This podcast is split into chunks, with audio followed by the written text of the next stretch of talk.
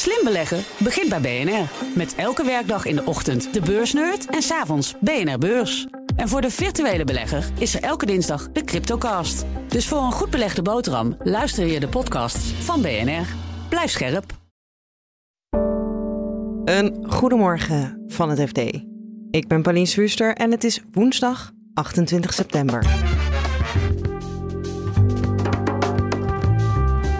De slimme meter laat het steeds vaker afweten tot ergernis van de energiebedrijven. Ze willen dat deze problemen gewoon gefixt worden, dat die meters het altijd doen. En dat kunnen de netbeheerders nog niet klaarspelen. En er zijn sinds de oorlog in Oekraïne veel Nederlandse producten die niet meer naar Rusland mogen.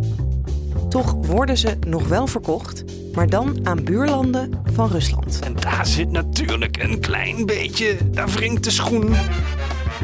Dit is de dagkoers van het FD.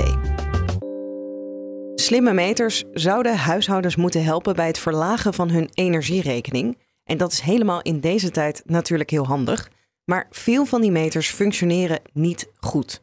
Je hoort Jan-Fred van Wijnen, redacteur technologie en innovatie. De slimme meters geven niet zoveel, niet zo makkelijk hun, hun data over je energieverbruik door als wat de bedoeling was. Dat, dat even in een notendop.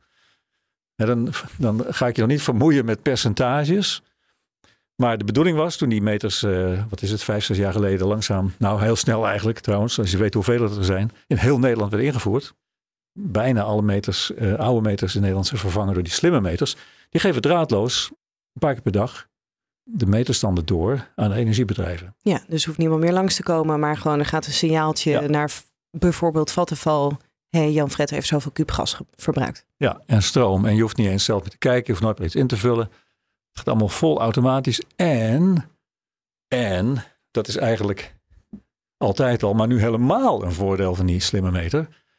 Uh, je kan dus ook elke dag zien wat voor energie je verbruikt. En of dat te maken heeft met, uh, omdat je je koelkast, omdat je oude koelkast hebt bijvoorbeeld. Of omdat uh, je eens vijf lampen hebt aangezet. Of de haardroger staat er lang aan. Je kunt een beetje meer controle hebben over je energieverbruik, omdat je weet wat je verbruikt.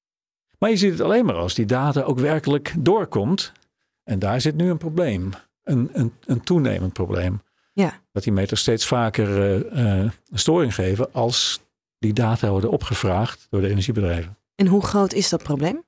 Dat wordt dan in, in storingspercentages uitgedrukt. Mm -hmm. Dus die, die, het energiebedrijf dat vraagt aan zijn apparaat uh, wat is op dit moment de meterstand. Dat geeft hij dan terug. Maar steeds vaker doet hij dat niet. Dan moet je nog een keer vragen en nog een keer. Gaat allemaal redelijk automatisch. Maar het percentage van uh, storingen ligt nu op zo'n 4 tot 4,5 procent. En dat neemt dus toe. Want twee jaar geleden was het ook al een probleem. Toen was het nog maar 2 procent. Ja, dus het probleem is verdubbeld. Het probleem is in twee jaar tijd wel verdubbeld, ja. Ja. En nou zijn de energiebedrijven uh, daar boos over. Op wie zijn ze dan boos?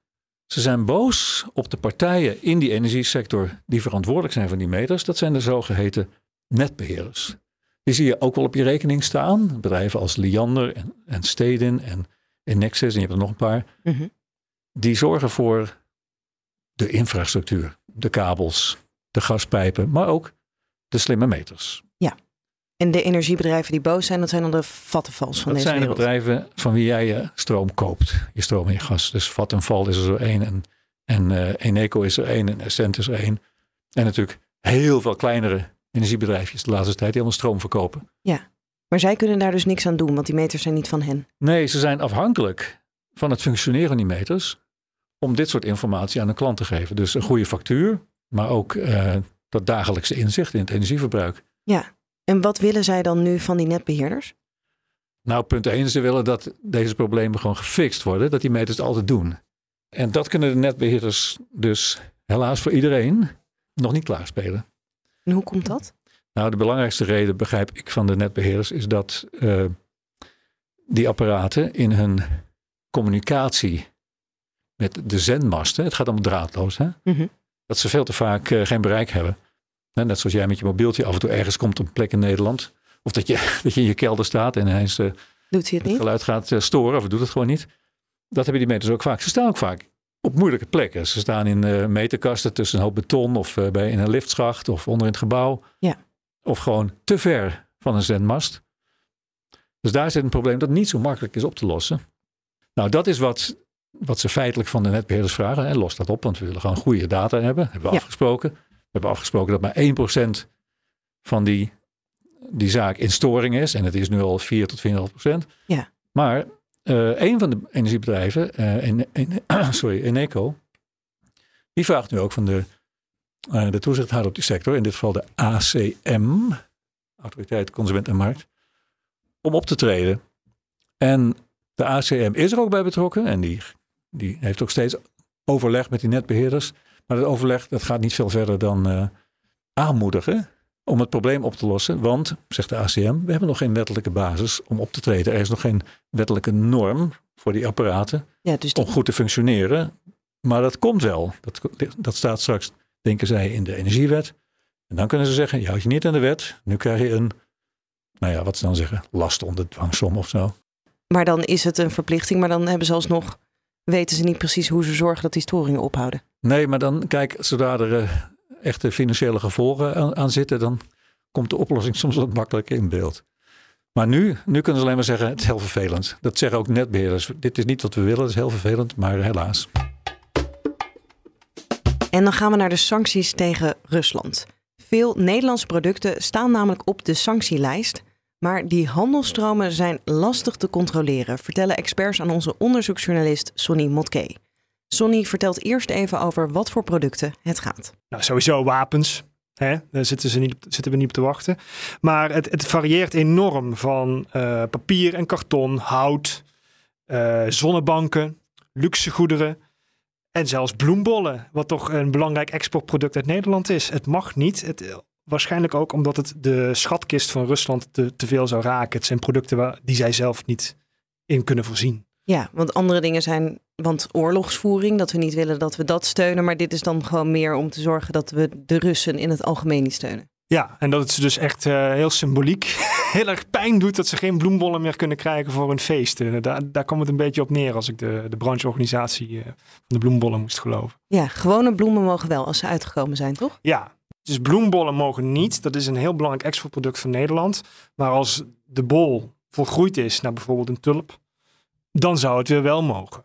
En waarom dat precies is, daar is geen eenduidig antwoord op. Het beste antwoord is de bloembollenindustrie. Daar is Rusland echt afhankelijk van, van de import. Dus die neem je weg. Dat moet dan pijn doen. Eh, en eh, ja, en dat komt in ons land harder aan, omdat wij toevallig de grootste exporteur zijn. Ja, en betekent dat dan ook dat eh, wij maar zitten met onze bloembollen? Nee, dat is het mooie. Eh, wat je overal terug hoort, niet alleen bij de bloembollenindustrie, maar ook de auto-industrie, medicijnen, et cetera, is dat weggevallen vraag naar Rusland val- wordt eigenlijk wel opgevangen door andere landen. We exporteren meer naar andere landen. En wat bij het onderzoek blijkt, is dat het ook voornamelijk de buurlanden van Rusland zijn. En daar zit natuurlijk een klein beetje, daar wringt de schoen. Ja, Want bl- blijft, het, dat wel? blijft het in Kazachstan of gaat het dan toch naar Rusland? Lang verhaal kort, eh, dat weet ik natuurlijk niet. Ik ben Nee. niet in Kazachstan op de grond geweest, maar eh sanctie-experts die heel veel van dit soort verzoeken krijgen van Nederlandse ondernemers met de vraag: kan ik wel naar Kazachstan exporteren? Die zeggen: bij twijfel toch niet oversteken, want eh, we weten bijvoorbeeld van Kazachstan, je noemt het voorbeeld, er zijn nog een paar landen die zitten bijvoorbeeld in één douane-unie met Rusland, beetje zoals onze EU, kan vrij makkelijker eh, goederen eh, de grens passeren. Natuurlijk zeggen ze dat ze allemaal aan de sancties voldoen, maar het is heel moeilijk van afstand dat te controleren en wie daar precies achter zit. Dus het risico op sanctieovertreding is aannemelijk. Ja, want als ik een eh bloemenbollenteler ben en opeens krijg ik vanuit Kazachstan de vraag: eh, wil je enorm veel bloembollen leveren aan mij? Wat moet ik dan doen om te zorgen dat ik dat legaal doe en niet de regels omzeil? Je moet jezelf ervan vergewissen dat het nagenoeg uitgesloten is dat die sancties overtreden worden. Nou, er is wel een, eh, een procedure voor in werking. Eh, dat heet de end-user statement. Ja, Dus je papiertje invullen, zo stel ik me even voor. eh, waarop staat, zoveel is het, daar gaat het naartoe. Deze partij neemt het af en het gaat niet naar Rusland. Maar jij kan verder, als het eenmaal verkocht is, jij kunt niet controleren of het nog een keer wordt doorverkocht en wie wat anders. Je moet er maar van uitgaan dat iedereen in deze wereld eh, zuiver op de graad is en zich aan de afgesproken algemene regels, sanctieregels houdt. Maar kan ik daar dan ook op gepakt worden? Dat stel dat ik ga ervan uit dat die Kazachstanse importeur... dat die heeft zo'n ge- overeenkomst getekend en ik denk... nou, het komt niet in Rusland terecht... maar uiteindelijk komt het toch in Rusland, mijn bloembollen. Is dat dan mijn probleem? Dat kan je probleem worden. Het is niet uitgesloten, zegt het ministerie van Buitenlandse Zaken, dat eh nalatigheid bewezen kan worden dat je alsnog eh, als private partij wordt aangesproken. Dus het belangrijkste is, leg een heel uitgebreid dossier aan van al je handelingen. Het is wat dat betreft net als eh, eh, fraude bevechten bij financiële instellingen. Je moet een vuistdik compliance dossier aanleggen. Dat kan ook heel, heel moeilijk zijn, kan kostbaar zijn. En daarvoor is het best om inderdaad ook met sanctie-experts, eh, advocaten te spreken. Maar die zeggen dus uit hunzelf al van, ja, ik zou er toch eerder niet aan beginnen. Want Ja. Hoe, hoe groot is het risico voor mij dan? Wat, wat hangt me boven het hoofd als bloemenbolteler of welk product dan ook? nou ja, het is al lang bekend dat, dat als je sancties overtreedt, kun je eh, boetes krijgen. Die, die kunnen vrij fors oplopen, afhankelijk van hoe zwaar de overtreding, misschien ook afhankelijk van hoe groot de waarde is Ja. van het product. En, eh, en dit is zelden of nooit voorgekomen, maar in theorie, eh, volgens de wet, en laten we die dan toch maar eh, aanhouden, is zelfs een celstraf mogelijk. Ja. En weten we ook hoeveel van dit soort zendingen, goederen uiteindelijk worden gecheckt of tegengehouden richting Rusland of een buurland? Ja, de douane eh, doet een uitstekende PR-ronde deze dagen om vooral mee te geven dat ze in de honderdduizenden zendingen hebben gecontroleerd. Ehm, na twee weken wachten kreeg ik het antwoord dat er circa, even uit mijn hoofd, hoor, 6000, iets minder zendingen zijn gecontroleerd die naar die zogenoemde uitwijklanden gaan. Dus niet direct naar Rusland. Kijk, als je iets naar Rusland ga je sowieso controleren nu. Ja. Je mag nog steeds export met Rusland doen, maar wel de, de, de witte goederen, zal ik maar Ja, even zeggen. ja. Kijk, ook fout trouwens, maar de, de goede goederen. Ja. Eh, maar als het naar een uitwijkland gaat, dus Kazachstan, eh, Turkije wordt ook vaak genoemd, ook als niet buurland, eh, dan worden die dingen ook vaak gecontroleerd. En dat zijn dus iets minder dan 6000. En het aantal wat daar dan wordt uitgevuld is echt verbazingwekkend laag. Eh, 240 dossiers in totaal zijn onderzocht. De helft is afgerond. En het is onduidelijk of daar überhaupt iets eh, op de strafrechtelijke manier mee gedaan gaat worden. Ja, dus het is een theoretisch grote angst, maar het reële risico is ook weer niet zo heel groot voor de Nederlandse ondernemers. Eh, misschien de voorkant niet. Maar eh, deze oorlog gaat nog even duren. Ehm, ja, je wilt toch net niet die ene zijn die het toch overkomt, weet je? Ja.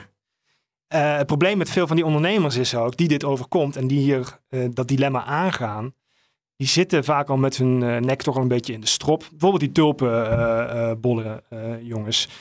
Dat valt helemaal weg naar Rusland. Dan, dan staat je bedrijf in de fik. Dan kun je wel zeggen, ja, het risico is misschien laag, ik doe het wel naar Kazachstan. Wat kan er nou misgaan? Maar dan kan je zelfs het kleinste boete of wat dan ook, dan is het gewoon ook e- einde oefening. Dus ik zou, ik zou dat risico helemaal niet nemen.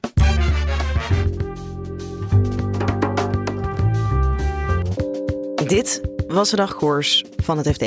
Je vindt de verhalen waar we het over hadden in de show notes en het laatste financieel-economisch nieuws op fd.nl.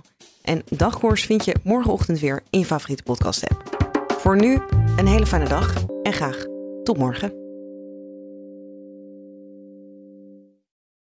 BNR Headlines. De hele dag binnen- en buitenlandse politiek. In Nederland hebben we geen munitiefabrieken. De hele dag economie. vijf dagen in de week bezorgen. Dat kan niet uit. De hele dag technologie. Amerikanen weer op de maan. Heb je eigenlijk geen tijd, maar wil je toch op de hoogte blijven? BNR Headlines. Het laatste nieuws, maar dan in het kort. Ga naar je podcast-app en abonneer je op BNR Headlines.